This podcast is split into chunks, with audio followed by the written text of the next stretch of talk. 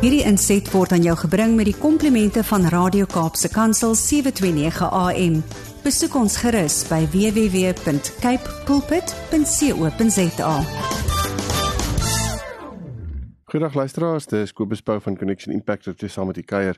Ja, dit is my baie lekker om net vir u te sê, luister kom skuif sommer in hier so langs die radio, kry vir 'n lekker koppie koffie of tee en kom ons gesels 'n bietjie rondom die hele konsep van die huwelik. Daardie verhouding wat ons baie persoonlik en baie intiem sien en wat so is. Ek gaan dit glad nie glad nie afskiet en sê maar dit is nie. Uh maar ek dink ons moet meer gereeld oor hierdie verhouding gesels. Ek besef net weer ehm um, sit gisteraand in 'n klein groep wat ons by my, ons het sulke klein groepe in Connection Impact waar ons werk met huwelikspaartjies en die enigste rede hoekom jy deel vorm van die groep is omdat jy getroud is en Ja, en ons en ons begin net gesels oor die effek van van die groep en van die die hele idee rondom rondom uh, ek wil amper sê uh, verantwoordbaarheid teenoor mekaar binne in 'n uh, in 'n in 'n groepsituasie. En die interessante was is hoe hoe die paartjies wat almal daar sit sê, "Jo, hierdie groep het ons lewens verander want ons het ewe skielik besef ons kan met mense praat oor ons situasie. Ons kan ons kan regtig dit wat vir ons moeilik is, dit wat vir ons 'n uitdaging is, kan ons hiernatoe bring. Dit wat vir ons 'n vreugde is, kan ons hiernatoe bring. En mense oordeel ons nie. Mense is op 'n plek wat hulle na die situasie kyk en sê, "Jo, ons is ook in dieselfde bootjie gewees al of gee vir mekaar raad of daar's ondersteuning of daar's gebed of wat dit ook al mag wees." En dis presies wat mense wil hê wanneer dit kom by huwelik, want ek dink ons moet besef ons is deel van 'n gemeenskap. En binne in 'n gemeenskap moet ons mekaar se hande kan vat, moet ons vir mekaar daar kan wees, moet ons mekaar kan ondersteun. As ek kyk na die statistiek van huwelike en verhoudings in in die wêreld, dan dan is dit letterlik 'n situasie van goed val uit mekaar uit en dis amper asof mense sê, weet jy, dis net maar jou probleem, sorteer dit self uit en ons stap aan. Maar baie keer wil ek vir paartjies sê, weet jy, ons almal was al iewers op 'n huwelik uh gewees waar huwelik voltrek is. En jy staan daar en en of jy sit daar en jy kyk na wat gebeur op daai oomblik en dan besef jy joh hierdie persone is besig om hulle lewens vir 'n leeftyd nou aan mekaar vas te maak. En en hoe gaan hulle dit regkry om dit voluit te dra vir 50, 60, selfs 70 jaar? Hoe hoe gaan hulle dit doen? En baie mense dink nie eers noodwendig daaraan nie maar dis presies wat ons vir mekaar sê die dag as ons sê i do. Dan is dit ek is ek gee my hele lewe vir jou vir die volgende totdat ek my kop neerlê. En dit is 'n dis 'n geweldige uh, uh verantwoordelikheid wat ons optel. Is ook 'n geweldige belofte wat ons maak. En ons is nie bewus van wat ons alles kies op daai oomblik nie. Ons is regtig nie bewus nie. Hoe meer ek sit en werk met paartjies en huweliksberading, hoe meer kom ek agter ons is regtig onbewus as ons praat oor hierdie hele konsep van wat 'n huwelik insluit en wat binne 'n huwelik gebeur. En daarom wil ek praat oor 'n oor 'n onderwerp vandag eh, en die hele konsep is hoe hoe leef 'n mens in 'n huwelik waar die liefde of koud geraak het of waar die liefde waar daar amper liefdeloosheid is. En en dis aan die hand van 'n artikel wat ek gelees het van Mary Fisher En ek het gedink ek wil sommer net 'n bietjie hieroor gesels want sy het my gedagtes rondom dit redelik redelik omstuur en ek wil julle regtig uitnooi om die artikel te gaan lees op marriage.com maar maar dit dit is regtig so interessant om net te gaan sit en vir mekaar te kan sê okay so hoe werk ons en wat moet ons doen? En sy het 'n paar punte genoem wat ek dink baie sinvolle punte is en wat ek wat ek graag 'n bietjie meer in detail wil bespreek. En Ek dink die eerste ding wat 'n mens vir mekaar moet sê is maar wat is 'n liefdelose verhouding? En 'n liefdelose verhouding is daardie plek waar waar ons amper net heeltemal gewoond geraak het aan mekaar. Daar's nie meer empatie nie. Ons ons gaan maar net deur die lewe en daar is nie meer regtig 'n intentionele of emosionele fokus op mekaar se realiteite en wêrelde nie. Wat dit eintlik maar net 'n situasie maak van ons bly maar net eintlik by mekaar. Daar's nie daar's nie meer romanse nie. Daar's nie meer 'n ingesteldheid op mekaar se wêrelde nie. Ons ons leef redelike parallelle lewens en elkeen doen maar eintlik wat vir hom of vir haar reg is en reg voel en uh daar's nie noodwendig 'n uh, 'n plek waar hierdie twee parallelle bane by mekaar uitkom nie. Dit bly maar so hardloop. En baie paartjies doen dit op presies wat ek dit nou verduidelik het vir vir jare. Nou daar's geen wil ek amper sê groei in so 'n verhouding nie. Nie as ons nie vir mekaar sê ons moet iets doen ten opsigte van dit wat wat ons ervaar nie. En dan dan het 'n mens soos soos Mary Fisher sê jy drie opsies of jy bly binne in hierdie verhouding en jy doen niks nie soos ek sê dan bly die baan net parallel hardloop en dis nou maar dit en jy leef daarmee saam en dit het nie noodwendig 'n uh, 'n goeie invloed op jou geestesgesondheid nie of jy klim uit die situasie uit, soos in mense beëindig die verhouding of 'n mens werk daaraan. En dit is die een ding wat 'n mens vir mekaar moet sê ten opsigte van huwelike. En huwelike is werk. Dit is nie asof dit nie werk is nie. Daar's definitiewe werk binne-in 'n huwelik. En baie mense sê ja, maar huwelik is veronderstel om so moeilik te wees. Dit is so. Dit is so dat mense het nie nodig om ek wil amper sê 24/7 in hierdie verskriklike moeilike kom ons vroeg deur hierdie storie. Daarmee stem ek saam. As as dit die situasie is in jou in jou huweliksverhouding, dan is daar dan is daar definitief iets wat nie lekker is nie. Gaan sien iemand daaroor, gaan praat daaroor want want dit is nie veronderstel om so te wees nie. Dit sal jou in elk geval ehm um, op 'n op 'n geestelike gesondheidsvlak heeltemal afbreek en dit is nie gesond nie, dis nie goed vir jou nie, dis nie goed vir jou maat nie en dis ook nie goed genoeg vir julle huwelik nie. En daar is beter. Maar om om net eenvoudig te sê 'n huwelik kan nie het, moet die heeltyd net maanskyn en rose wees, is 'n totale leuen want ons ons leef verskillendes uh, in verskillende wêrelde. Ons is verskillende wesens. Ons kyk na die lewe op verskillende maniere. Ons is 'n man en vrou. Ons lewens um, ervarings en lewensuitkyke verskil, ons agtergronde verskil. Daar's soveel dinge wat net in hierdie prentjie inspel. Ek praat nie eers van wat al die ander druk uh, dinge is wat kan inkom wat druk op die verhouding kan bring nie. Het sy dit kinders is of finansies is of gesondheid of wat dit ook al mag wees. Daar is daar's geweldig baie druk en verder gaan die gaan die huwelik deur verskillende fases ook en as ons nie met mekaar binne in al hierdie wil ek amper sê mengelmoes van goed wat plaasvind in in ons lewens iewers rigting gaan probeer kry nie en met mekaar gaan gaan praat hier in nie dan dan dan kan dit mos nou net op 'n 'n 'n de mekaar storie afloop. So daarom moet ons vir mekaar kan sê, ons moet elke nou en dan net by mekaar incheck en dis wat dit so lekker maak, wil ek amper sê van hierdie program die marriage hour of waar jy as vriende bymekaar kom nie om net om te braai en te kuier en en seker goeders net nie maar om te sê maar weet jy nadat ons gebraai het kom ons sit en kom ons praat 'n bietjie met mekaar. Hoe gaan dit met julle? Hoe gaan dit? Waar is daar dinge? Waar lê die challenges? Op watter manier kan ons vir julle ondersteun? Op watter manier kan ons daar wees vir mekaar? En dis wat ek glo die liggaam van Christus is. Dis wat ek glo gemeenskap is. En dis wat ek dink ons moet besef. Ons as gelowiges vir mekaar moet begin gee Ons doen dit so maklik binne ek wil ek amper sê binne in selgroepe en gebedsgroepe en al daai dinge.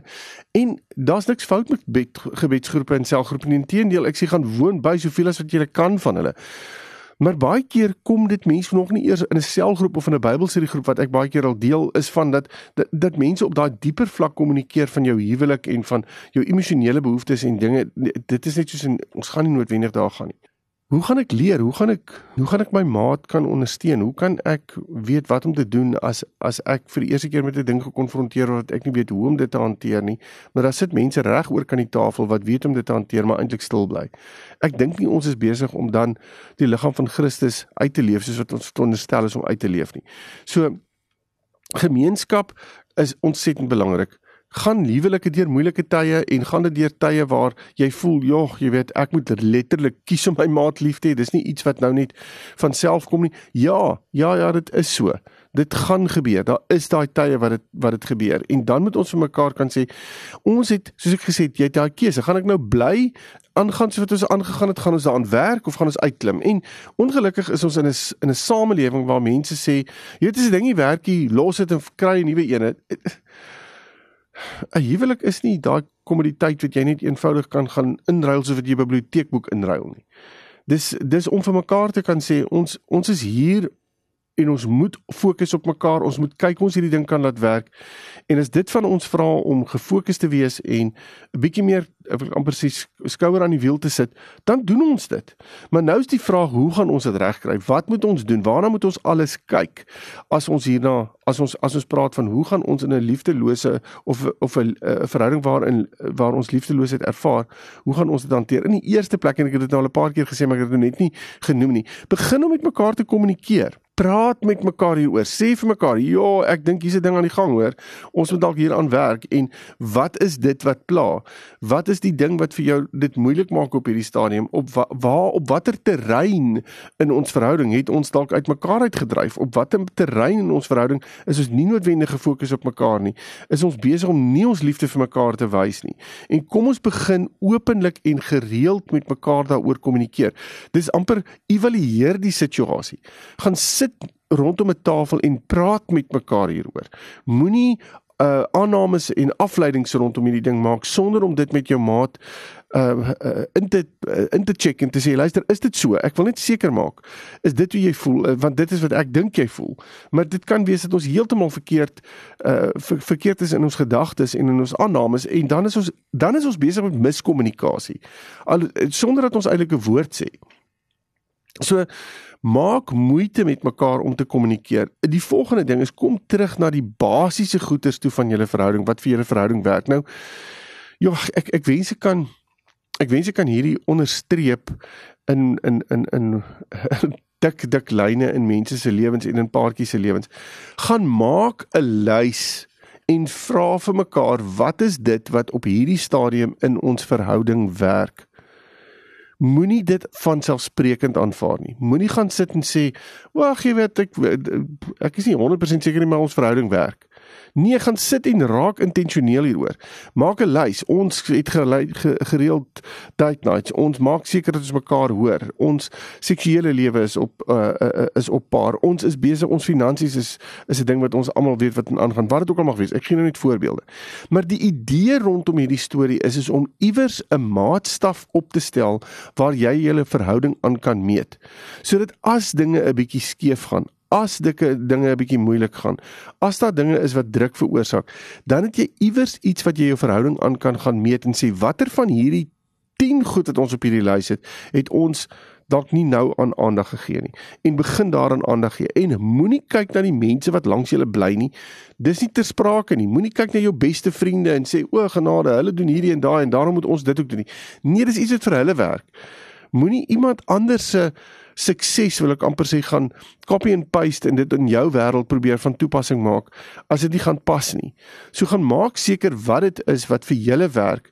Maak seker hoe dit lyk. Praat met mekaar daaroor en sê vir mekaar ons het iewers 'n maatstaf nodig want dis die basiese van julle verhouding. Gaan dink wat dit is wat julle lief laat voel vir mekaar, wat julle emosioneel koneksie laat laat ervaar, wat wat julle op 'n plek bring waar julle voel julle is veilig amper sê daai goed wat jy moet jy kan kan kan mint en moet jy vir jouself kan sê dis ons dis ons betaalmiddel. Dit is die ding wat vir ons werk. En ons moet seker maak dat ons bank vol van dit is. As ons bank nie vol van dit is gaan ons in gaan ons in oortrokke gaan en dan gaan dit vir ons moeilik raak So doen moeite met dit en vind uit wat dit is. Ek dink 'n volgende ding is om daai daai pret te hê, daai avontuur te hê, daai uh spontaniteit in 'n verhouding te kan hê wat ons baie keer heeltemal mis want ons raak net te besig. Die wêreld raak te besig. Dis werk, dis kinders, dis finansiële druk. Dis 'n klomp dinge wat dis amper asof asof die die die die die pret en die uh, spontaniteit en die avontuur wil ek amper sê uit 'n verhouding uitgesuig kan word.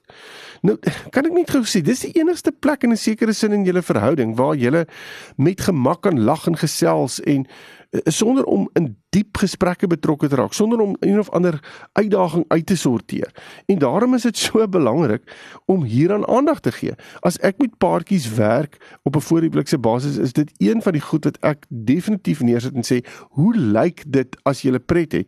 Wat is dit wat vir julle laat voel dat jy 'n pret het? Waar daar avontuur in julle verhouding is?" En dit bring meer, dit bring uh, die hele ding van misterie ook in. En ek het 'n hele gesprek oor misterie al gedoen. Gaan kyk asseblief op ons pot gooi oor rondom hierdie. Dit is nie dis iets wat ons moet inbou in ons verhouding. As ons nie dit gaan doen nie, die avontuur, die lekker, die die pret deel in ons verhouding gaan hou nie, dan raak ons verveeld in 'n verhouding. En as ek verveeld raak in 'n verhouding, dan is ek besig hoe die hoe staan spreekwoord ledigheid is die duiwel se oorkussing. Dan begin hy in ons oor sekere goeters fluister en ons maak onsself oop en ontvanklik vir 'n klomp dinge wat glad nie in ons verhouding hoort nie. So daarom is dit so belangrik om te sê fokus op hierdie ding, praat hieroor, maak dit deel en dan gaan jy sien jy begin weer daai koneksie ervaar. Jy begin weer op 'n emosionele vlak met mekaar uh gesels en en dit bring daar dit maak weer die liefde los in 'n verhouding. Maak mekaar mekaar se prioriteit. Ja, dit is vir my so interessant hoe ons net eenvoudig kan besig raak en ons verhouding en ons maats letterlik op die agtergrond gaan skuif. En ek dink die rede is daai hele konsep van ek gaan nêrens en waar gaan jy en daar moet ons nie noodwendig aandag daaraan te gee nie. Maak mekaar prioriteit. Vra vir jou maat, hoe lyk dit as jy voel dat jy dat ek jou prioriteit in my lewe maak? Wat moet ek doen? Wat moet ek doen? Sê, hoe moet ek optree? Wat is dit wat jy van my nodig het om te weet dat jy prioriteit in my lewe is? Praat met mekaar hieroor. Dit is so belangrik om te weet dat jy nommer 1 in mekaar se lewens moet wees.